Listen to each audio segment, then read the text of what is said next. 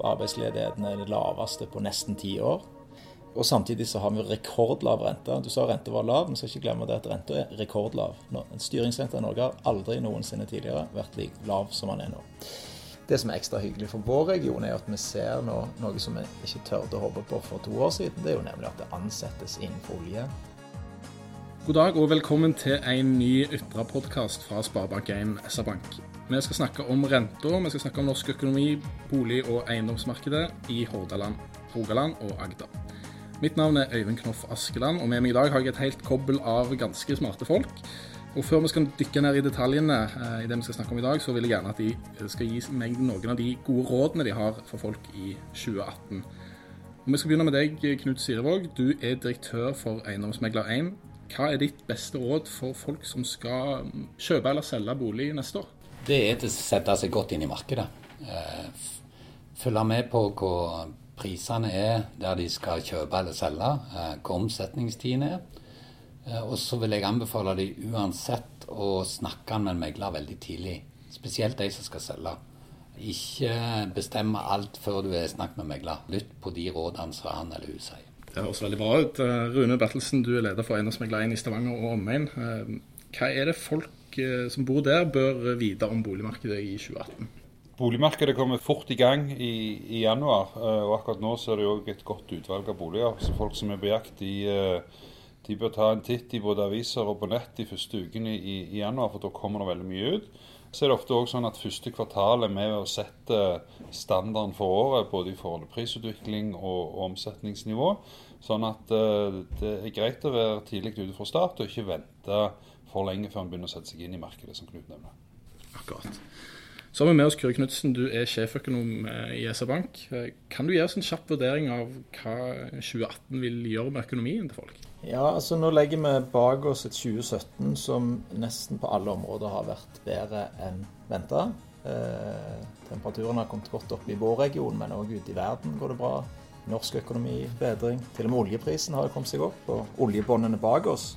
Så det er klart at det vil jo vi dra med oss inn i 2018.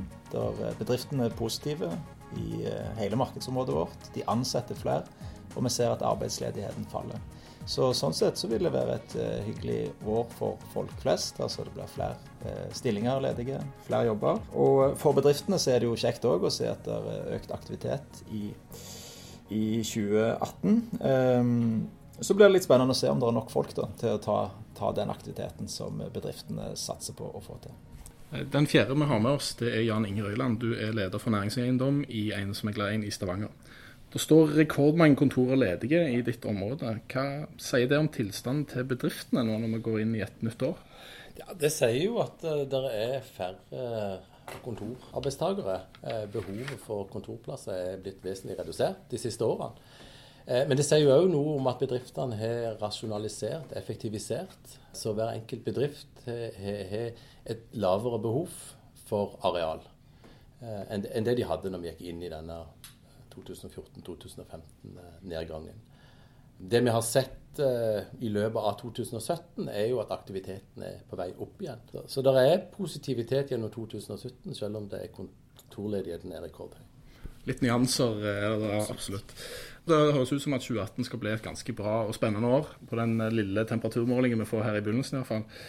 Vi skal gå litt nærmere inn på boligmarkedet. Tirsdag i forrige uke så kom det ferske tall på boligprisene. og det som er trenden da, er at prisene faller egentlig over hele landet.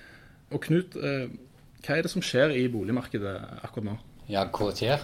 Først og fremst er det veldig mye boliger for salg. Det har vært en økning over hele landet i antall brukte boliger som ligger ute for salg. Det er veldig god tilgang på nye boliger.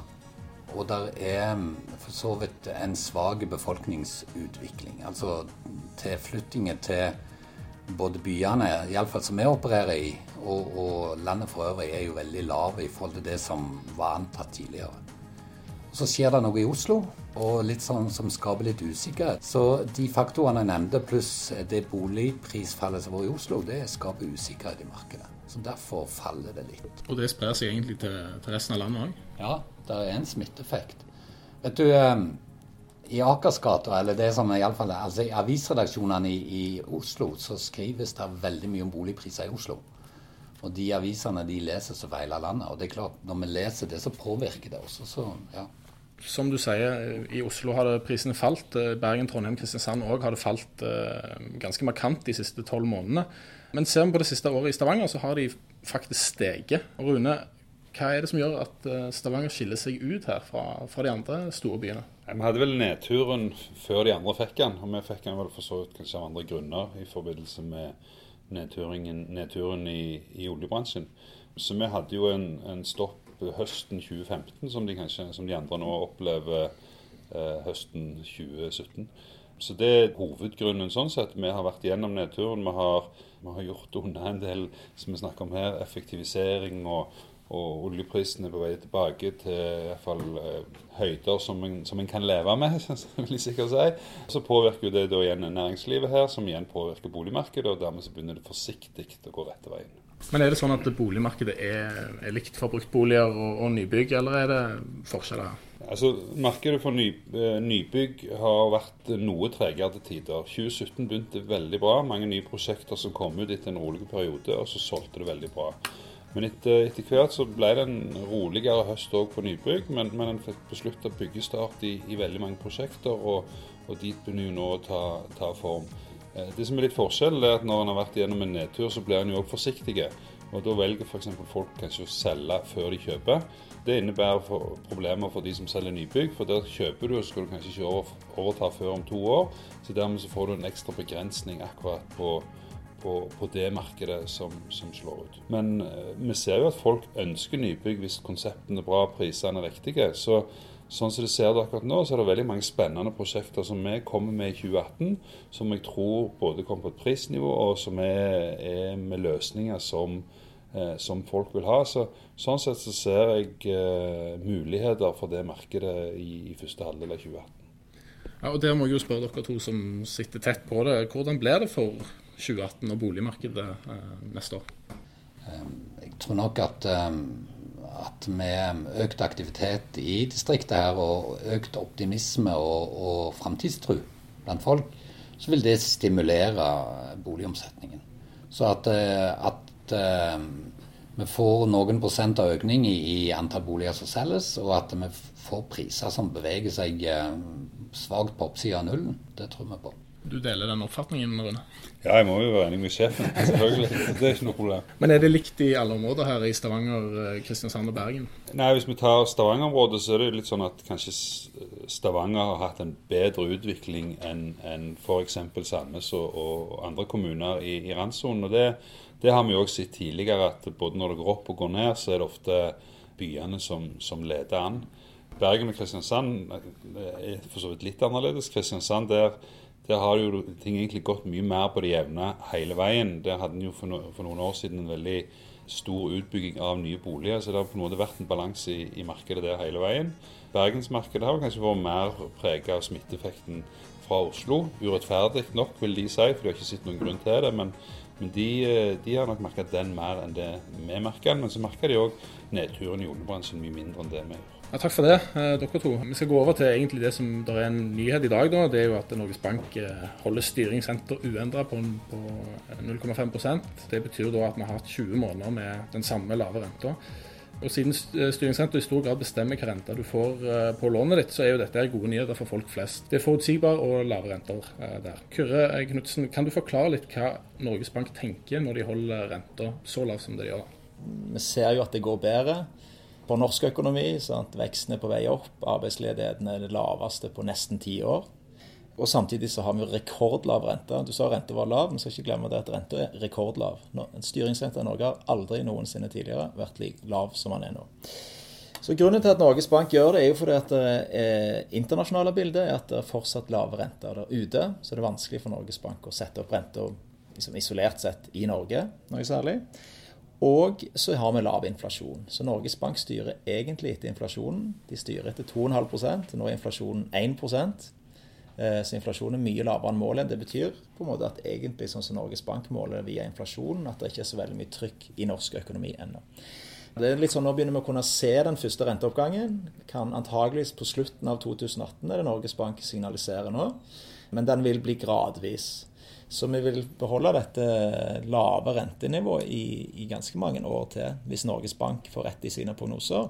Og vi tror at siden det er liksom hele verden som går i samme retning her, så skal det mye til at Norges Bank går veldig raskt fram. Da må i så fall inflasjonsforventningene komme raskt opp, eller lønninger og priser komme litt ut av kontroll. Sånn som det ligger nå, så blir det rekordlav rente omtrent ut neste år, og så kommer den litt opp i, 20, i, løpet av 2019 og 2020. Hvis vi tar både bedrifter og vanlige folk eh, på gata, holdt jeg på å si, kan de, hvordan kan de planlegge dette her da, for økonomien sin? Altså, har de nå en ganske god og fin og forutsigbar økonomi for meg? Ja, de har jo det. Det er jo alltid sånn man må se på sin egen økonomi og se om man tåler renteoppgang. For det er klart at det vi snakker om er jo liksom det det er det som er hovedscenarioet. Men her er det òg en sannsynlighet for at renta blir høyere enn det som ligger inne i Norges Bank sin bane, og det vi tror. Så man må jo se litt på hvor mye renteoppgang man tåler, og man da eventuelt må binde deler av lånet for å kunne være sikre, sikre seg mot, mot, en høyere renteoppgang enn det som ligger inne. Kan du bare helt til slutt si litt om uh arbeidsmarkedet her i vår region som har endra seg ganske kraftig i 2017? Det har vært et veldig stort omslag, og spesielt i Rogaland, der vi altså for ett år siden hadde 4,5% arbeidsledige. Nå har vi 3,1% Og 3,1% arbeidsledige, det er ganske lavt, det. Eh, I Norge så ligger vi på 2,3, altså enda lavere, men vi er liksom nærmest den lave enden av arbeidsmarkedet. For folk flest, og de som er arbeidstakere, så er jo det hyggelig. Sant? For det betyr jo at de aller fleste har jobb. Eh, vi ser òg at bedriftene etterspør flere arbeidskraft, så du får på en måte mer å velge mellom òg. Og det er òg litt sånn bredt basert. Det er ikke bare én bransje som drar nå. Eh, det er I forskjellige deler av næringslivet som ansettes det. Det som er ekstra hyggelig for vår region, er at vi ser nå, noe som vi ikke tørde å håpe på for to år siden. Det er jo nemlig at det ansettes innenfor oljeservice igjen. Og, eh, og, det, når vi satt her og snakket om dette for et par år siden, så trodde vi de jobbene aldri kom tilbake igjen. Men nå kommer det altså en del oljejobber tilbake igjen. Det er en fin overgang til Jan Inge som sitter her. For det framstår for meg som et lite paradoks da, at arbeidsledigheten går ned, der eh, blir ansatt eh, flere folk. Og da skulle vi jo tro at kontorene som tidligere har stått ledige her i regionen, blir fulgt opp. Men det ser det ikke ut til at de blir, eller? Jo, altså etter hvert så vil jo det skje. Det er jo litt treghet eh, i akkurat det. Eh, og så skal en ikke glemme, jeg snakket tidligere om eh, at etterspørselen etter kontor pga. reduserte arbeidsplasser og effektivisering var en av grunnene. En annen grunn til at det står mange ledige kontorer, er jo at det har vært en enorm vekst i, i regionen vår. Vi er en konjunkturutsatt region.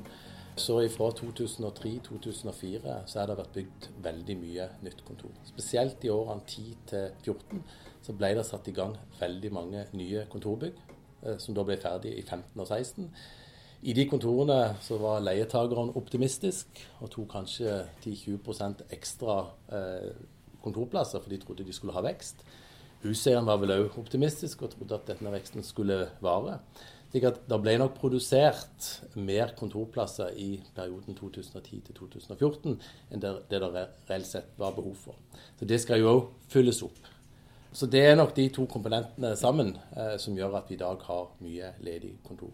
Og så Nå sitter jo vi på Forus, eh, det er jo næringsområdet som ligger litt utenfor Stavanger sentrum. Er det sånn at eh, bedriftene vil inn til byene nå, eh, istedenfor å være liksom litt i utkanten? Vi, ser ikke noen sånn tendenser. Vi ser kanskje tendenser. Det er folk som er interessert i å reise til byen. Men vi skal ikke glemme at Forus er det fremdeles over 40 000 som har sin arbeidsplass. Det er den desidert største plassen i regionen hvor det er arbeidsplass. Eh, og så er det jo Forus som hadde den største veksten. Det var der det ble bygd desidert mest. Eh, og dermed er det jo derfor også det der det er mest ledige lokaler. Men det er klart det jobbes jo mye. Det jobbes med sentrumsplan i Stavanger. Det, med, det har jobbes med og kommet litt lenger i Sandnes. Så det er klart det at det vil bli flere plasser som disse kontorplassene, de nye eller de som nå kommer nå, kan bli spredt på. Det er helt klart at sentrumene vil eh, ta sin del av forsøke å ta sin del av de nye kontorarbeidsplassene. Uh, interessant analyse, og det har det egentlig vært uh, fra alle dere som har vært her. Vi nærmer oss slutten på denne podkasten og må ta en liten oppsummering. 2017 har vært et år der vi har gått fra høy til lav arbeidsledighet. Vi har et boligmarked i regionen som er i bedring, og vi har bedrifter som egentlig ser ganske positivt på framtida. 2018 kan fortsatt bli krevende for en del, men stort sett så ser det ut som vi går inn i et ganske godt økonomisk nytt år. Da er det bare å takke til dere som har hørt på denne Ytra-podkasten. Jeg må få takke til Knut og Rune, Kyrre og Jan Inge. Og så må jeg takke for meg. Du får flere Ytra-podkaster fra Sparebank1 SR-Bank i 2018.